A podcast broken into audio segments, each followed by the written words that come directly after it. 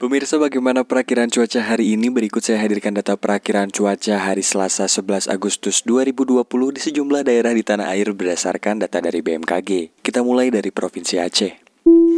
Kota Banda Aceh pada siang hari ini akan turun hujan lokal dengan suhu 24 sampai 32 derajat Celcius. Dan Pasar pada siang hari ini akan berawan dengan suhu 23 sampai 32 derajat Celcius. Serang pada siang hari ini akan berawan dengan suhu 24 sampai 33 derajat Celcius. Beralih ke Bengkulu pada siang hari ini akan turun hujan lokal dengan suhu 24 sampai 31 derajat Celcius. Daerah istimewa Yogyakarta pada siang hari ini akan cerah dengan suhu 21 sampai 30 derajat Celcius. Jakarta Pusat pada siang hari ini akan berawan dengan suhu 25 sampai 30 derajat Celcius. Beralih ke Gorontalo pada siang hari ini akan turun hujan lokal dengan suhu 24 sampai 30 derajat Celcius.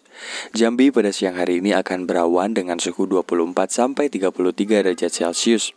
Beralih ke kota Bandung pada siang hari ini akan cerah berawan dengan suhu 21 sampai 30 derajat Celcius.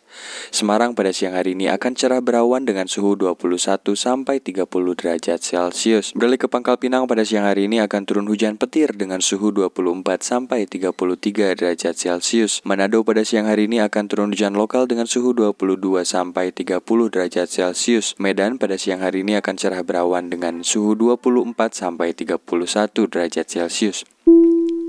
Pemirsa itulah data perakiran cuaca untuk Anda hari Selasa 11 Agustus 2020 di sejumlah daerah di tanah air berdasarkan data dari BMKG. Saya Zaid pamit undur diri sampai jumpa di berita-berita berikutnya.